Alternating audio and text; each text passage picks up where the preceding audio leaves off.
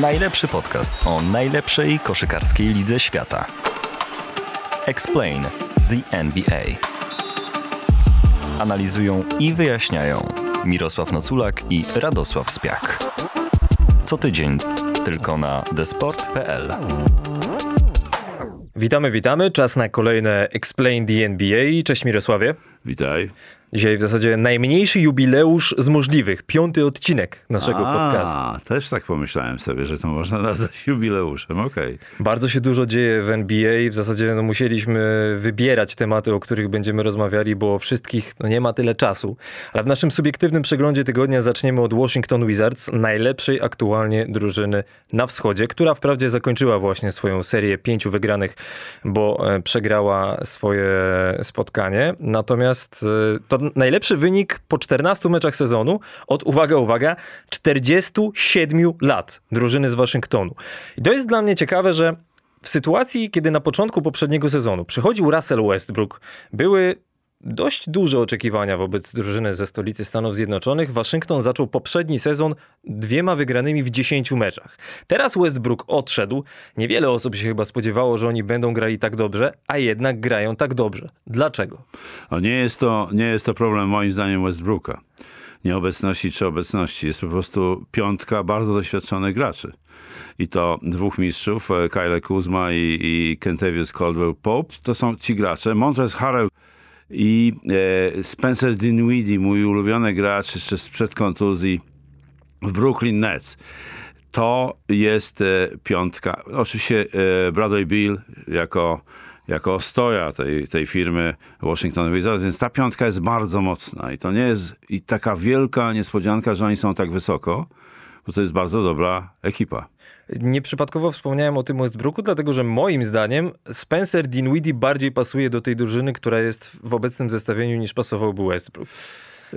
Dinwiddie bardzo dobrze podaje po pick and rollach, jest atletyczny, jest wysoki jak na rozgrywającego, bo on ma zdaje się 1,98 cm, ale Waszyngton też gra po prostu bardzo zespołowo. Jak się popatrzy na Bradley'a Billa, to jego średnia punktowa spadła, jego skuteczności z gry spadły, ale całościowo na drużynę to się przekłada lepiej.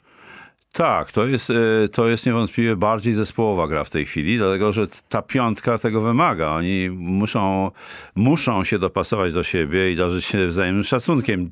W tym ostatnim meczu z Charlotte mm, trzech graczy z piątki zawiedli trochę, e, właśnie przegranym z Charlotte, bo cała trójka, Din- Dinwiddie, e, Kuzma i, i KCP zdobyli łącznie 8 punktów. No to marnie, bardzo.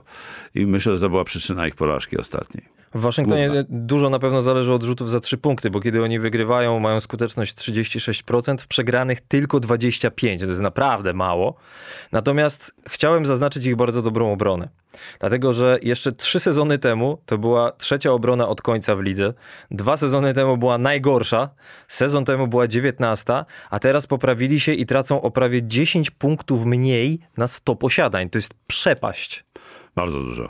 Bardzo dużo. No, rzeczywiście ten zespół się zmienił bardzo. To, to nie ma dwóch zdań i mm, w, można ich oglądać. Warto ich oglądać, bo, bo grają dobrą koszykówkę. I zespołową, tak jak powiedziałeś, i, i dobrą obronę, i kontrataki z tego mm, wyprowadzają. Zatem, zatem e, dobrze się ogląda Wizards. I to myślę duża zasługa również trenera, który Wes Anseld Jr., dodajmy jego pierwsza praca jako głównego coacha. On przez 16 lat był asystentem w różnych klubach, ostatnie 6 spędził w Denver i tam, kiedy był specjalistą od obrony jako asystent, Denver też w ciągu jednego sezonu poprawili obronę z 28 na 10 miejsce w lidze. Czyli widać, że ten człowiek zna się na rzeczy, przede wszystkim po tej bronionej stronie parkietu. I teraz patrzę i tak, przeciwko Bradleyowi Billowi przeciwnicy, których on kryje, ci przeciwnicy rzucają o 5% gorzej niż wynosi ich średnia.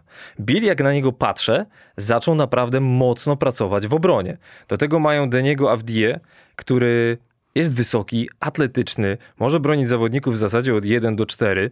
No i jeszcze dodajmy do tego, że czekamy na powrót Rui Hachimury, który na początku sezonu gdzieś zniknął, a teraz się objawił i podobno w G-League ma najpierw trochę pograć, zanim wróci do, do Wizards. Natomiast to, co mi najbardziej imponuje w Waszyngtonie, to jest właśnie ta obrona i moim zdaniem to jest w dużej mierze zasługa trenera właśnie. No, KCP jest też niezłym obrońcą. Przypomnijmy, że, że w finale, e, w finałach, e, kiedy Lakers zdobywali tytuł e, dwa sezony temu, to był bardzo ważnym graczem i w obronie, i w ataku. Jak planowaliśmy przegląd tygodnia, to chcieliśmy porozmawiać o Atlancie, która była na przeciwległym biegunie w zasadzie można powiedzieć, bo miała trzy wygrane i dziewięć porażek, ale teraz wygrała trzy mecze z rzędu. W związku z czym, co widzisz, jak oglądasz Atlantę teraz? Zacznę od tego, że, że, w pierwszym odcinku powiedziałem, że to jest najciekawszy zespół do oglądania, moim zdaniem. E, tak nie było. Tak nie było, ale Atlanta wraca do, swojej, do, swojej, do swojego jeszcze nie poziomu z playoffów ubiegłorocznych, bo to, bo to jeszcze daleko, ale, ale oglądanie tej grupy talenciaków to jest naprawdę czysta przyjemność, bo tam jest tak. Trey Young wiadomo, John Collins, niesamowity, yy, niesamowicie atletyczny gracz. Bogdan Bogdanowicz, no to wiemy, super strzelec. Cam Reddish, to jest gość, który nie grał w ubiegłym sezonie, bo leczył kontuzję, ale to jest Scott nieprawdopodobny. Uwielbiam patrzeć, jak on gra. The DeAndre Hunter, no znowu kontuzjowany, bo ten człowiek ciągle jest kontuzjowany, to jest bardzo utalentowany gracz.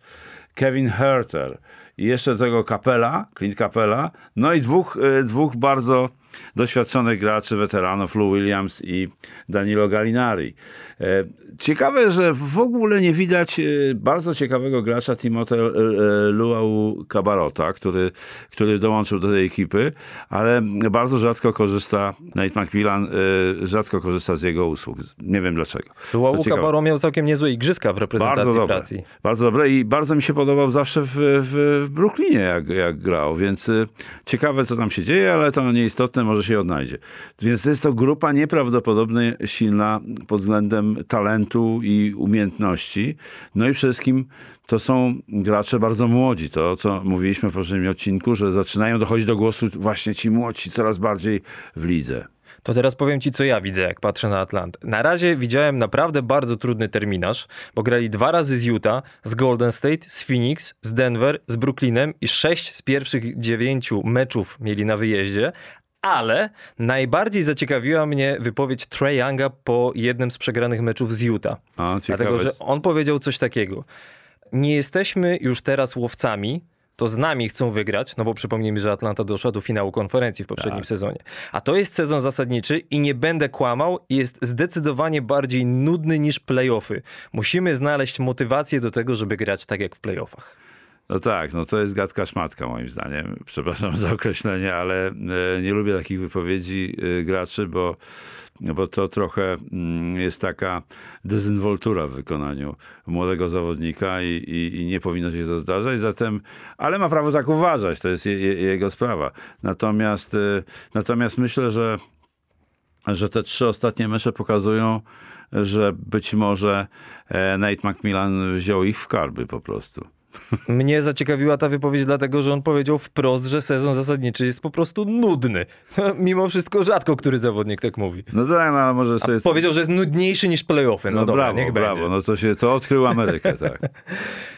Anthony Edwards. Z kolei ja o nim chciałem porozmawiać chwilę, bo raz na jakiś czas robimy przegląd młodych zawodników. On wprawdzie debiutantem nie jest, ale był numerem jeden draftu przed rokiem. I tak jak patrzę czasami na niego, to tak, z jednej strony widzę niesamowitego atletę, człowieka, który ma nieprawdopodobne umiejętności indywidualne, a z drugiej odnoszę trochę wrażenie, że on bardzo chciałby przejąć ten zespół, czyli Minnesota Timberwolves, od Karla Antonego Townsa, który był tam liderem przez kilka lat.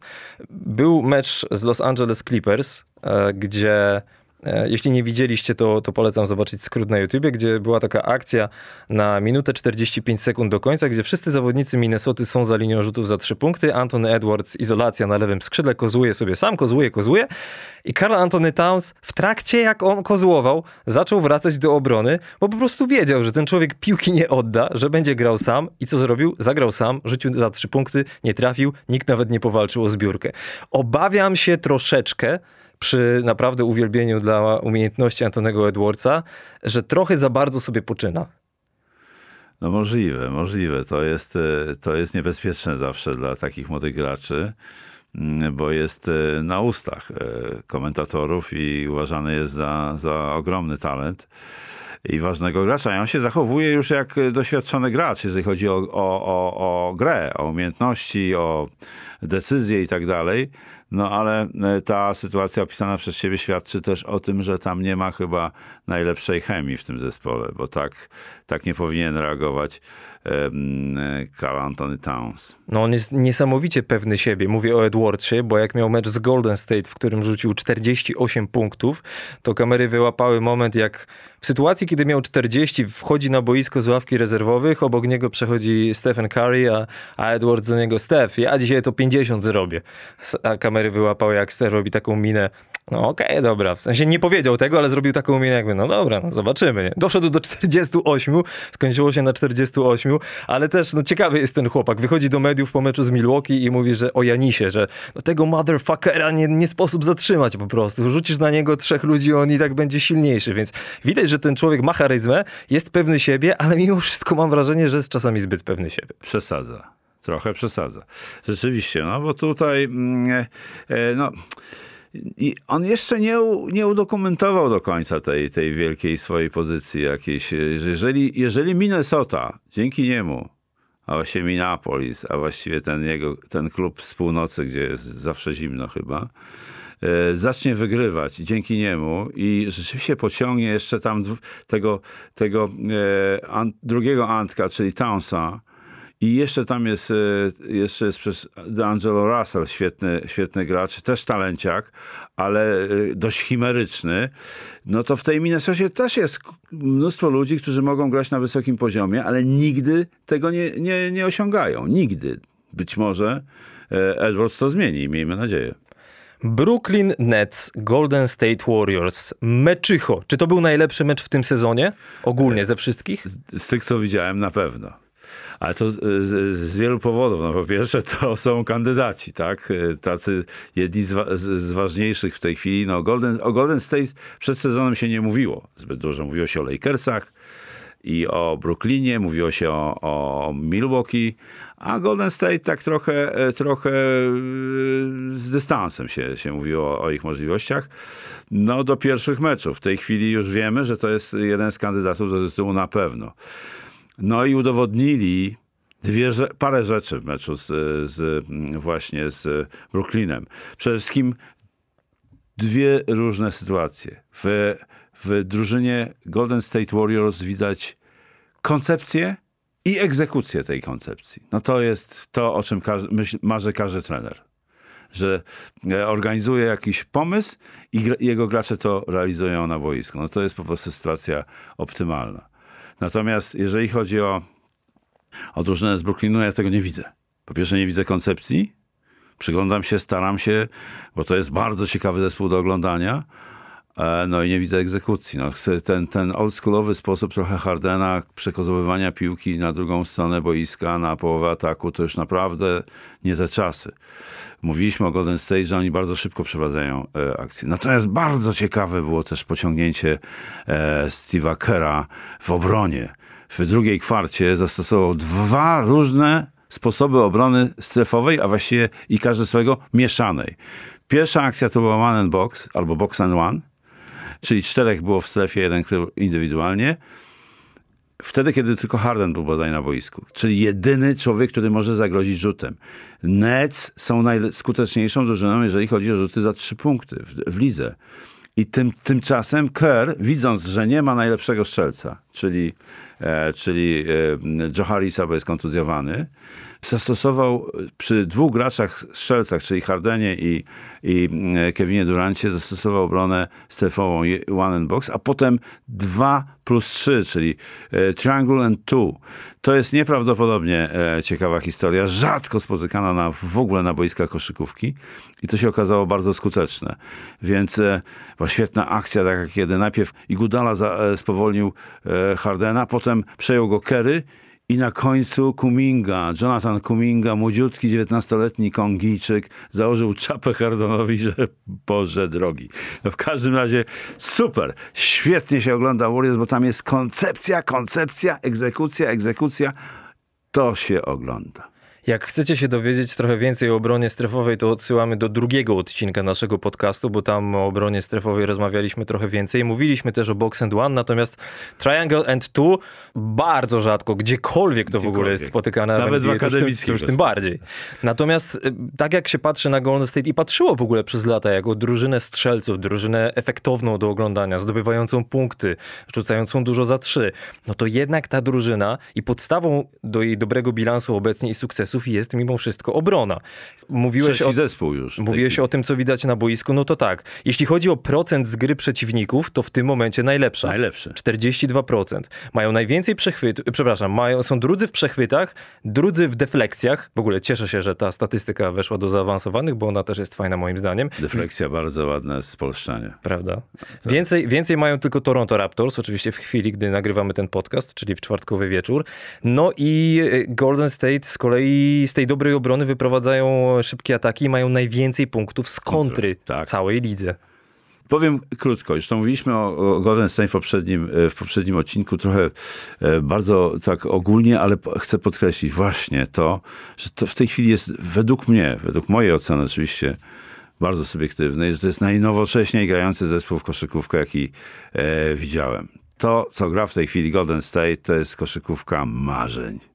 A tymczasem Brooklyn Nets w tym sezonie w meczach z zespołami, które mają dodatni bilans, mają dwa zwycięstwa, i cztery porażki. Oj, tam potrwa trochę budowa tego zespołu, no ale ale no, ale, ale, ale perspektywę mają na pewno, bo to, jest, bo to jest też mocna grupa ludzi. W takim razie przechodzimy do naszego głównego tematu dzisiejszego odcinka Explain the NBA. Phoenix Suns. Nimi chcielibyśmy się chwilę zająć, dlatego że to w tym momencie po Golden State Warriors druga drużyna na zachodzie i to drużyna, która po raz pierwszy od 11 lat ma serię 10 zwycięstw z rzędu. Przyznaję, że w pierwszym odcinku trochę ich skreśliłem, bo powiedziałem, że moim zdaniem szanse na tytuł z zachodu mają Lakers i jeśli będą zdrowi to Clippers. Cały czas podtrzymuję swoją opinię, że gdyby Kawhi Leonard Leonard się nie połamał w playoffach, to Clippers by przeszli Phoenix Suns i awansowali do finału. Ale dobra, nie będziemy się nad tym zastanawiali. Natomiast w tym momencie już trochę zaczynam żałować tego pierwszego odcinka i tego, że ich nie wymieniłem w tym, w tym gronie kandydatów do finału, bo jak tak się popatrzy w sumie głębiej po tych meczach, to wyglądają, ich skład przynajmniej, wygląda trochę nawet lepiej niż w poprzednim sezonie. Ja przynajmniej mam taką opinię i może ten początek sezonu obecnego trochę to zaburzył, bo oni mieli bilans 1-3, tak, ale fatalnie te... zaczęli. Ale tak, od tego prawda. momentu seria 10 wygranych z rzędu. Tak, 10 wygranych z rzędów i ten, to ostatnie zwycięstwo, e, to ostatnie... Z Dallas. Z Dallas. E, bez Luki Bez Luki Doncicza i bez e, takiego ważnego gracza wszechstronnego, bez Maxi Klebera. To, to jest też ważny gracz w drużynie Dallas, więc brak tych dwóch graczy, zawodników na pewno miał wpływ na to, ale bardzo przeciętnie grał, grał Phoenix i wygrał ten, e, wygrał ten mecz. To jest, to jest taka e, zawsze, e, kiedy, kiedy sam uczestniczyłem w grze, to wygrana po, po, po kiepskiej grze smakuje wybornie, bo jak się gra przeciętnie albo jeszcze poniżej przeciętnej i wygrywa mecz, to jest, to jest wielka, wielkie, wielka radość. I tak było w tym meczu. Jeden z liderów, czyli Chris Paul, po trzech kwartach miał jeden punkt na swoim koncie. Ale już 10 asyst, więc trochę w, w kreatywności e, nadrabiał te, te sprawy. No, no, bardzo e, przeciętnie grali, natomiast, e, natomiast jedno, jest, jedno jest pewne, że ten zespół też jest skonsolidowany. To, to, co powiedziałeś, że doszło do nich dwóch zawodników. Javal McGee, który po igrzyskach w końcu jest to trzykrotny mistrz, e, mistrz NBA, dwa razy z Golden State i, i, i raz z Lakersami. E, to nie jest byle jaki gracz, ale w ostatnim sezonie był w ogóle, w ogóle prawie niewidoczny. Ale był na igrzyskach, tam dużej roli nie odgrywał ale jest w opinii wielu komentatorów e, amerykańskich, że jednak uczestnictwo w igrzyskach bardzo nobilituje i podnosi taką samoocenę też graczy. Żeby popatrzeć na Zaka Lawina na przykład. Na przykład Zak Lawin, świetny przykład. I tutaj doszedł jeszcze Landry Shamet. To jest zawodnik, którego bardzo lubiłem oglądać, bo on ma taką e, taką ma zdolność strzelecką niesamowitą, tak zwany quick release, Amerykanie mówią, czyli tak szybko wyprowadza piłkę, i, i on i to rzuca z, głównie z dystansu, to jest strzelec głównie z dystansu. I on dużo wnosi do tego, do tego zespołu, więc mają wszystkim głębie, czyli mają 10 graczy, którzy mogą grać, e, mogą grać e, w, w każdej konfiguracji trzech wysokich, to jest ważne, i to trzech wysokich sprawnych, bo Javal, Javal McGee, a wszystkim Andre Ayton, DeAndre Ayton i, no i też w tej roli niby silny skrzydłowy Frank e, Kamiński, ale, ale on też e, może grać na środku. I wszyscy gracze obwodowi, to jest ważne, są dobrymi strzelcami z dystansu. To jest kluczowa sprawa w nowoczesnej koszykówce i jednocześnie potrafią grać jeden na jednego. No i przede wszystkim lider Devin Booker. A propos Devina Bookera i też Chrisa Pola, bo, bo nie tylko w meczu przeciwko Dallas, e, podkreślam w tym pierwszym, bo nie wiemy kiedy będziecie słuchali tego podcastu, a teraz Phoenix grają dwa razy z rzędu z Dallas i w tym drugim meczu Luka Doncic ma, ma już grać, więc zaznaczamy, że chodzi o ten pierwszy mecz bez Luki Doncicia. Nie tylko w tym meczu było tak, że Phoenix w trakcie tej serii zwycięstw musiało gonić, i jak sprawdzałem statystyki jeszcze przed meczem z Dallas, czyli to będą liczby w trakcie serii dziewięciu zwycięstw, w tak zwanym crunch time, czyli w ciągu ostatnich pięciu minut meczu, kiedy różnica między drużynami wynosi maksymalnie 5 punktów, Phoenix zdobywało od rywali więcej punktów 47 do 24. Z tych 47 punktów 37 zdobyli albo Devin Booker, albo Chris Paul i spoglądałem na highlighty meczu z Minnesotą. Tam było na przykład 2,5 minuty do końca, było minus 4. Chris Paul z pół dystansu. 40 kilka sekund do końca, Booker wychodzi po zasłonie z pół dystansu. Phoenix jest drużyną, która te trochę wymierające rzuty z pół dystansu wykonuje bardzo dobrze i dość często z nich korzysta. To jest siła obydwu liderów, bo trzeba powiedzieć, że obok, obok e, oczywiście e, Devina Bookera, Chris Paul jest e, liderem. Nie wiadomo, kto jest większym liderem w sensie mentalnym i tak dalej. Prawdopodobnie Chris Paul, ale wydaje się, że tam może być między nimi jakaś mała rywalizacja. Ale za mało wiem na ten temat, ale pewne rzeczy zauważyłem już podczas finału z Milwaukee, że tam nie było takiej dobrej chemii między tymi graczami, ale to też może być bardzo subiektywna moja ocena. W każdym razie, i jeden i drugi świetnie rzucają z pół dystansu, ale chciałem się zatrzymać przy Devinie Bookerze, bo to jest bardzo wszechstronny zawodnik. On ma właściwie trzy sposoby, na trzy sposoby zdobywa punkty plus jeden. Jak mi w rozmowie telefonicznej podpowiedziałeś, że jeszcze gra tyłem do kosza. Zacznijmy od, od tego, że kiedy ma zawodnika swojego wzrostu lub niższego, potrafi grać tyłem do kosza i po tak zwanym rzucie z odejścia lub z odchylenia trafia z półdystansu, bo to są właśnie na ogół rzuty z, z, z krótkiego półdystansu, 3 e, do 4 metrów od kosza. To jest, tak jak, jak, jak mówimy, zamierająca i statystyki na to wskazują, zamierająca umiejętność, ale ona się odradza. I jestem przekonany, że będzie miała, e, e, wróci na swoje miejsce, ta, te rzuty z półdystansu. Więc mamy tak, super strzelca z półdystansu, super strzelca z dystansu, świetnie gra jeden na jednego, czyli, czyli zdobywa punkty spod kosza i gra tyłem do kosza. I teraz jak on to robi, bo to jest ciekawe. Po pierwsze, ma trzy sposoby. Pierwsze to się uwalnia sam z piłką, czyli samodzielnie się uwalnia, kozłując, odchodząc od obrońcy i rzucając dystansu. Drugie, kiedy, kiedy korzysta z z piłką z pomocy partnera, który stawia mu zasłonę. I albo kończy rzutem, albo podaje do niego e, pod kosz po rolowaniu się. To najczęściej są tak zwane pick and roll. I trzeci sposób to jest, e, to jest wyjście od linii końcowej, to się nazywa E, pin down screen, czy, czy, czy, czy, czy różnie to nazywałem. W każdym razie to jest sytuacja, kiedy zasłonę e, otrzymuje zawodnik e, do rzutu od, od gracza, który jest dalej od kosza. On sam wychodzi od linii końcowej, korzysta z tej zasłony i Często łączy to jeszcze z, z tak zwanym handoffem, czyli z przekazaniem ręki do ręki, czyli to są dwie zasłony. Jedna jest pin down, druga jest handoff i potem jest rzut lub wejście. On to świetnie robi, znakomicie wykorzystuje tę sytuację, więc ma wiele sposobów na to, żeby zdobywać punkty i oglądanie, e, obserwowanie właśnie e, Devina Bookera to jest to jest przyczyna do tego, żeby wyobrażać sobie, jak powinien być wyszkolony wszechstronny zawodnik współcześnie grający w koszykówkę.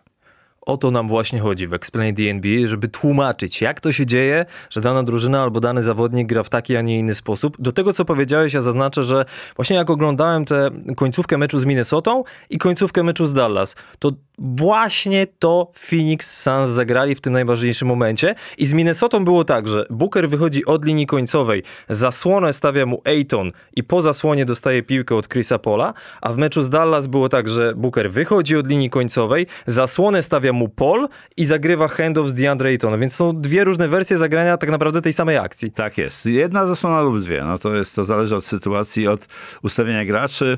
No, e, bardzo to płynnie robią i tutaj, tutaj warto e, wspomnieć o, o, o, o coachu Monty Williamsie, który trzeci sezon ich prowadzi i e, nie jest to też zbyt doświadczony trener, ale jednak on bardzo szybko potrafił ten zespół ułożyć. No, najlepszy dowód ubiegłoroczny playoff. Po bodaj 10 latach nieobecności w ogóle w playoffach e, Phoenix. Phoenix bardzo dawno nie było w playoffach. E, więc tutaj to jest ogromna robota Monty, Monty Williamsa. Wcześniej o, o, o Stevie Kerrze mówiliśmy. To jest w tej chwili czołówka trenerów, po których widać, ja to lubię mówić jako trener, że widać rękę trenera w wprowadzaniu tych zespołów i jego pomysły, czyli koncepcja i egzekucja. Koncepcja i egzekucja to są podstawowe dwa terminy, które e, dają szansę na powodzenie i sukces w koszykówce nie tylko. To a propos tej serii, przypomnę to statystyki, które przygotowywałem e, po dziewiątym zwycięstwie z rzędu. A propos tej głębi składu. Siedmiu zawodników, siedmiu w trakcie tej serii zwycięstw, średnio powyżej 10 punktów na mecz. I do tego obrona poprawiona przypomnę, po czterech meczach Phoenix mieli jedno zwycięstwo.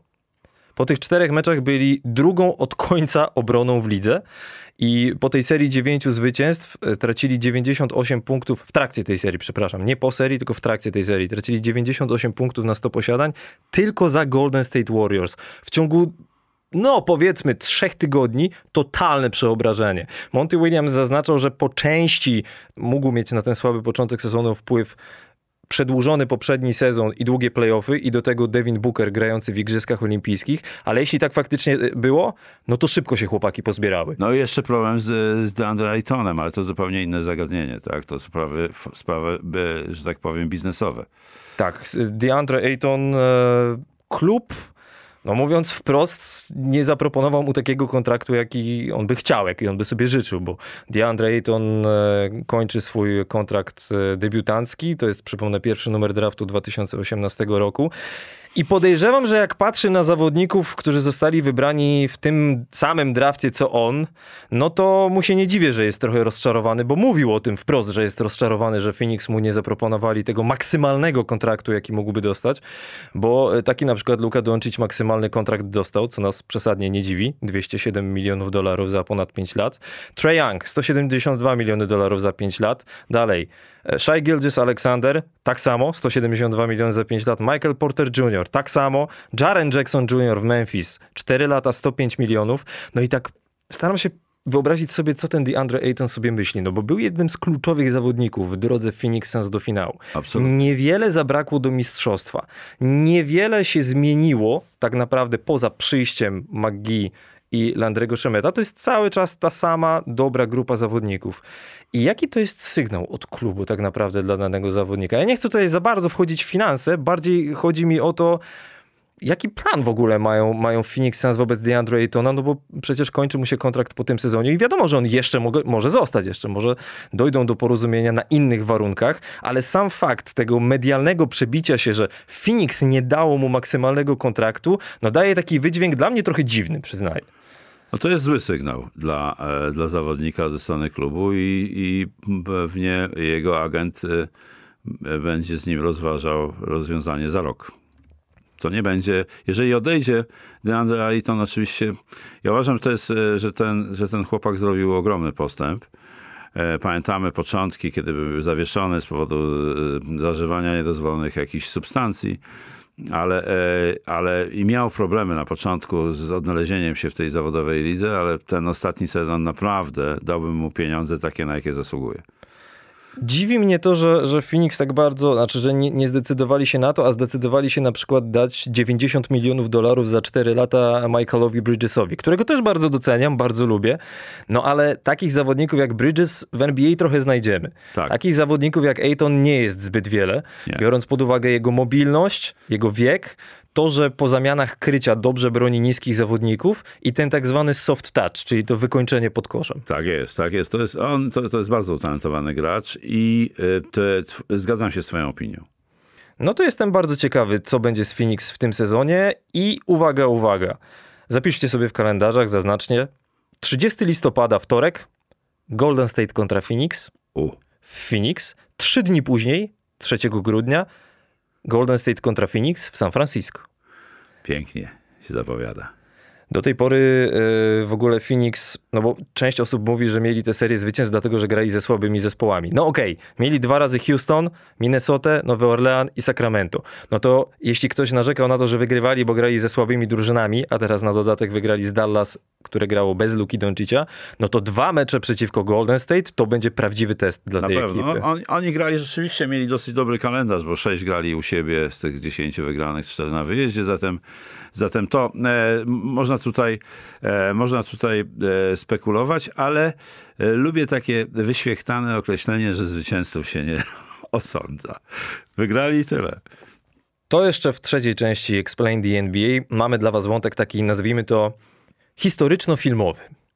Dlatego, że w piątek, kiedy możecie posłuchać tego odcinka naszego podcastu po raz pierwszy, 19 listopada przypada 17. rocznica najsłynniejszej bójki w historii NBA. Malice at the Palace w The Palace of Auburn Hills. Słynny, a w zasadzie niesławny powinienem powiedzieć, mecz pomiędzy Detroit Pistons a Indiana Pacers. I jeśli jesteście fanami NBA i pamiętacie tamte czasy, a nie chcecie spoilerów, to dajcie sobie pauzę na moment, wrzućcie Netflixa i poświęćcie 70 minut na film dokumentalny właśnie o tym tytule, Malice the Palace, bo teraz będziemy o nim rozmawiali. A jeśli jesteście fanami NBA i nie pamiętacie tamtych czasów, bo może na przykład byliście za młodzi i nie chcecie spoilerów, to też ten film obejrzyjcie, ale jeśli nic o tym nie wiecie, to posłuchajcie, bo zachęcimy was do tego, żeby ten film obejrzeć. To jest, to jest świetne kino, ale mów, mów. Znaczy, najpierw chciałem ciebie, Mirosławie, zapytać, czy ty jeszcze wtedy komentowałeś w Kanal Plus NBA? Tak, to był rok 2004, pierwsza, kiedy była ta awantura. I to był finał, e, finał e, Detroit, bo oni przegrali w finale konferencji, to był te, te, ten, tę rywalizację, to był finał Finał Wschodu 2004. 2004, ale to chyba A było to było jednak, w sezonie zasadniczym 19 listopada. ale to było w sezonie zasadniczym 2000, sezonu 2004-2005. Tak, czyli po tym, po, tym finale konferencji. Po finale konferencji, tak. I kiedy, e, kiedy Detroit zdobyli mistrzostwo niespodziewanie, pokonując Lakers 3 Ja się spodziewałem. A, no kto się spodziewał, to się spodziewał, ale większość uważała, że to jednak faworytem jest, faworytem w opinii takiej ogólnej byli Lakersi. Chociaż do, do tego może kiedyś e, wrócimy do tej sytuacji. e, Pomysł Mita Kupczaka, żeby, e, Micza Kupczaka, żeby sprowadzać tam jeszcze Peytona i, i Malona do, do składu z Kobim i z Shaquem. Shaquem, Shaquillem O'Nealem, no był nie, mówiąc delikatnie i krótko, nie wypalił.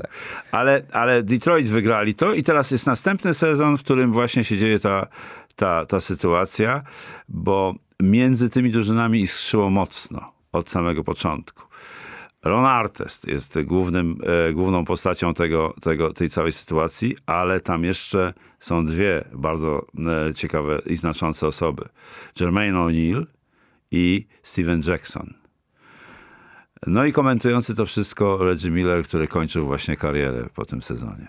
Ja powiem ci, Mirosławie, jak zobaczyłem ten film, a naprawdę polecamy, Malice the Palace na Netflixie, to na początku, przez pierwsze, nie wiem, 15-20 minut miałem takie poczucie, że ta historia będzie, jest opowiadana za bardzo ze strony jednej drużyny, czyli Indiana Pacers. Ale jak ten film dobiegł do końca, to stwierdziłem, że to był dobry wybór, dlatego że przede wszystkim zawodnicy Indiany zostali ukarani i to ta drużyna ucierpiała bardziej w tym sensie, że poprzez całkowite zawieszenie do końca sezonu Rona Artesta w zasadzie straciła szansę na mistrzostwo.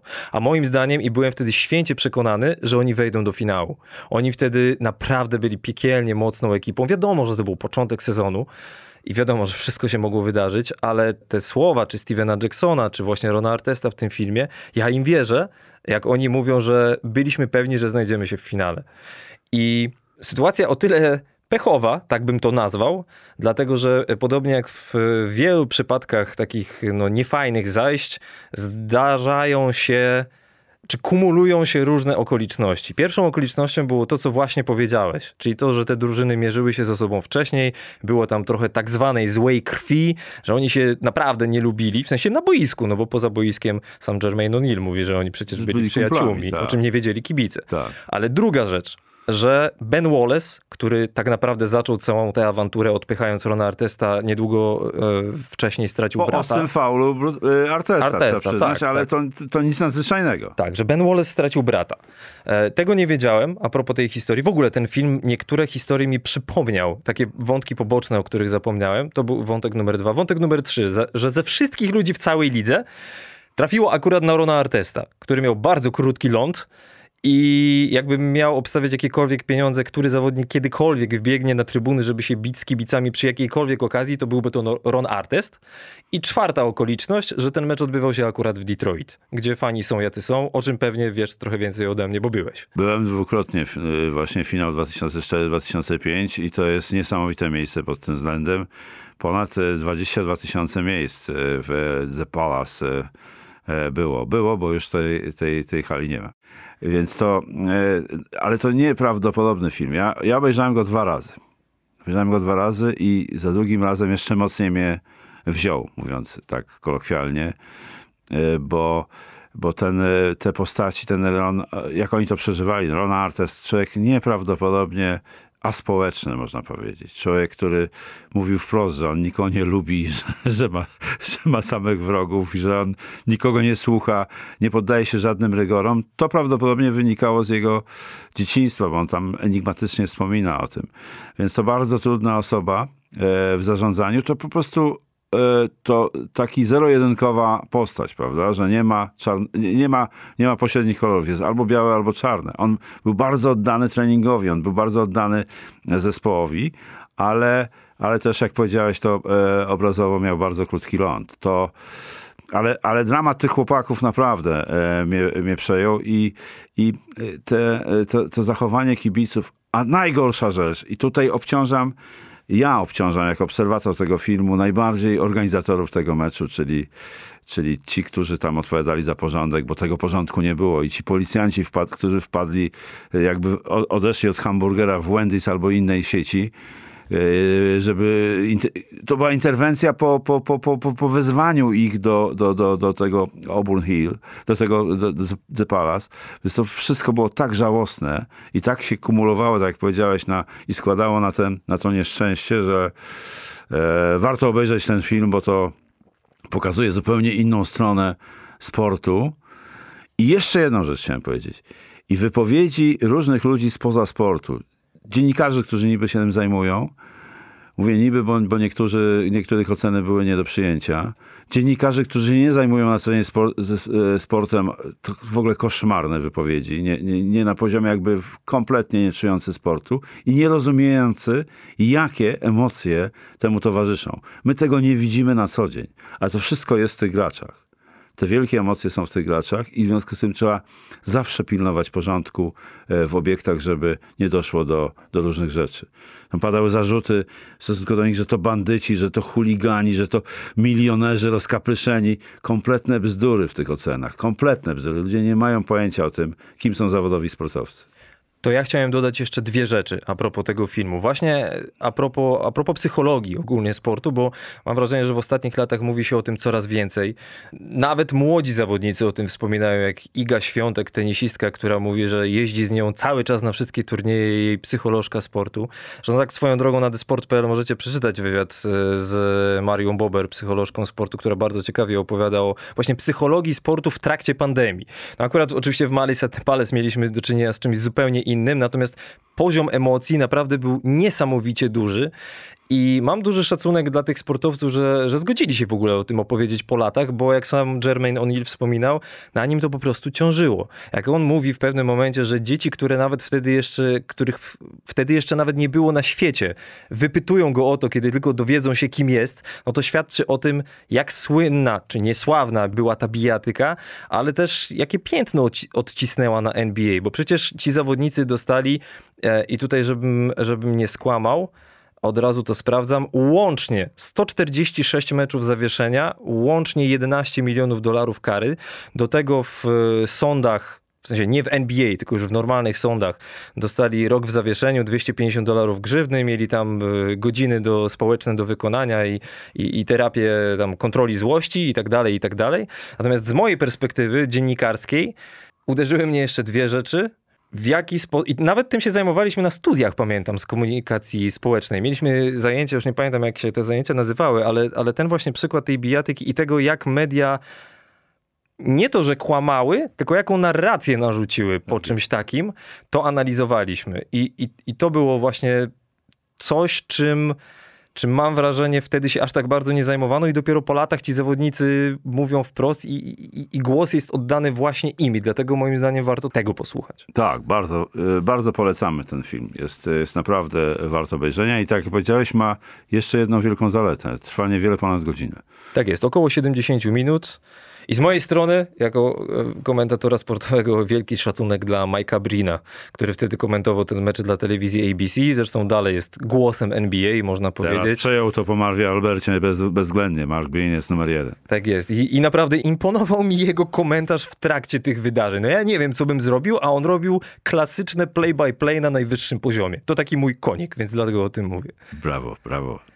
A zatem Netflix, Malice at the Palace y, polecamy. Rzecz się działa w Detroit, y, w słynnej hali w Auburn Hills, której jak wspomniałeś już nie ma, bo w zeszłym roku została zburzona, ale wiem, że masz dla nas historię z Detroit. Detroit jest e, pierwszym moim e, miastem amerykańskim, do którego dotarłem w 1992, ale zanim do tego doszło był 1991 i Mistrzostwa Europy w Rzymie bo to się bardzo wiąże z tym. Otóż tam przyjechał na konferencję, miał konferencję prasową Chuck Daly. Trener, który prowadził, e, jak wiemy, pierwszą reprezentację olimpijską złożoną z zawodowców w Barcelonie i przyjechał z Lenem Wilkensem, dobrze pamiętam nazwisko? Tak, Len Wilkens. Jego, jego, jego asystenta e, żeby obejrzeć, e, żeby obejrzeć Mistrzostwa Europy i zobaczyć graczy, z którymi się E, e, zmierzy za rok e, w finałach, finałach igrzysk. I na tej konferencji, ja miałem akredytację, akredytację dziennikarską, i na tej konferencji e, też byłem i po niej zapytałem Chucka Daly, ja podszedłem do niego i wyraziłem swoje uznanie, ogromne uznanie, dla, bo bardzo mi się podobała gra Detroit Pistons pod jego kierunkiem i dwa mistrzostwa i ta ekipa e, takich łobuziaków najwyższej klasy e, bardzo, bardzo, mi, bardzo mi imponowała. I, i, e, I on mówi, a skąd ty jesteś? Ja mówię, jestem z Polski. O, moja żona ma korzenie polskie. To wiesz co, jak będziesz w Stanach, to wpadnij. To typowe amerykańskie, zadzwoń i się zobacz. Typowe amerykańskie. Ja jeszcze wtedy tego nie wiedziałem, ale e, pożegnałem się z nim. Notabene w 91 roku, tutaj sobie pozwolę na taką, e, takie wspomnienie, w 91 roku debiutowałem jako komentator telewizji polskiej z Włodkiem Szalanowiczem właśnie z tych Mistrzostw Europy. Ale to nieważne. Pojechałem za rok niespełna do Stanów Zjednoczonych zaproszony przez trenera e, z Detroit, a właściwie z Orchard Lake. To jest szkoła, się nazywa St. Mary's e, St. Mary's College, założona to będę przez polskie, polskie, polskie e, zakonnice pod koniec XX, XIX wieku. I on, y, Glenn Donahue mnie zaprosił y, na taki staż krótki, 7-8-dniowy do, do Stanów. Pojechałem i wylądowałem w Detroit. Pierwsze moje zdarzenie z oficerem imigracyjnym było okropne, bo mnie przepytywał strasznie i byłem zmęczony po tym, jak e, wyszedłem. I następny był celnik, dwumetrowy gość, czarnoskóry. Tak się ruszał właśnie, tak jak, jak koszykarze i pyta się mnie, też mi zadaje pytanie, po co tu przyjechałeś? Ja mówię, no przyjechałem na Final Four NCAA. Tak, a kto będzie mistrzem? No jak to, kto? Michigan. A Detroit to jest miasto w Michigan. Odpowiedział, to jest najlepsza odpowiedź, jaką usłyszałem dzisiaj. Zasuwaj, chłopcze. No i tak się zaczęła moja, moja, e, fajnie moja przygoda z Ameryką po raz pierwszy. Co było jeszcze fajne w, tym, w tej całej historii, że ten oficer imigracyjny, powiedział mi to jeden z trenerów z, z uczelni St. Mary's, y, St. Mary's y, College, poprzez swojego szwagra sprawdzał, czy ja rzeczywiście jestem w tej szkole. Sobie jaka, jaka nieprawdopodobna e, inwigilacja e, przybysza z, z żelaznej kurtyny, bo to jeszcze wtedy, to był przez 92 rok. No nieistotne. W każdym razie e, powiedziałem Glenowi, że, e, że Chuck Daly, jak będę w Detroit, to zapraszam mnie na swoje treningi i na spotkanie z nim. A mówi, tak? To ciekawe, co ty chcesz tam, o czym chcesz z nim? No słuchaj, no to jest wybitny trener. A ja mówię, i chcę zobaczyć ich mecz. A on mówi, słuchaj, chcesz naprawdę to G oglądać? Bo tu trzeba powiedzieć jedną rzecz, że trenerzy z, koleżów, z koleżów, z uniwersytetów mają za nic koszykówkę zawodową. Uważają, że to, że to nie jest już koszykówka, to nie jest sport. I wielokrotnie się z tym spotkałem, jeżdżąc na, na, e, na właśnie na e, Final Four e, NCAA to jest dłuższa historia, żeby to opowiadać, może przy innej okazji. W każdym razie jego przyjacielem był e, główny menedżer e, Detroit Pistons, chyba McCluskey się nazywał i on natychmiast umówił moje spotkanie z Chuckiem Daly i znalazłem się na, na treningu i miałem z nim rozmowę i wywiad dla przeglądu sportowego. Najzabawniejsze było moim zdaniem zakończenie tego wszystkiego, bo on, e, ja, ja byłem ostatni, który z nim rozmawiał, z dziennikarzy i Jan pyta się, a co teraz robisz? Ja mówię, no wiesz co, bo my jedziemy z całą ekipą e, na golfa. Chcesz jechać z nami?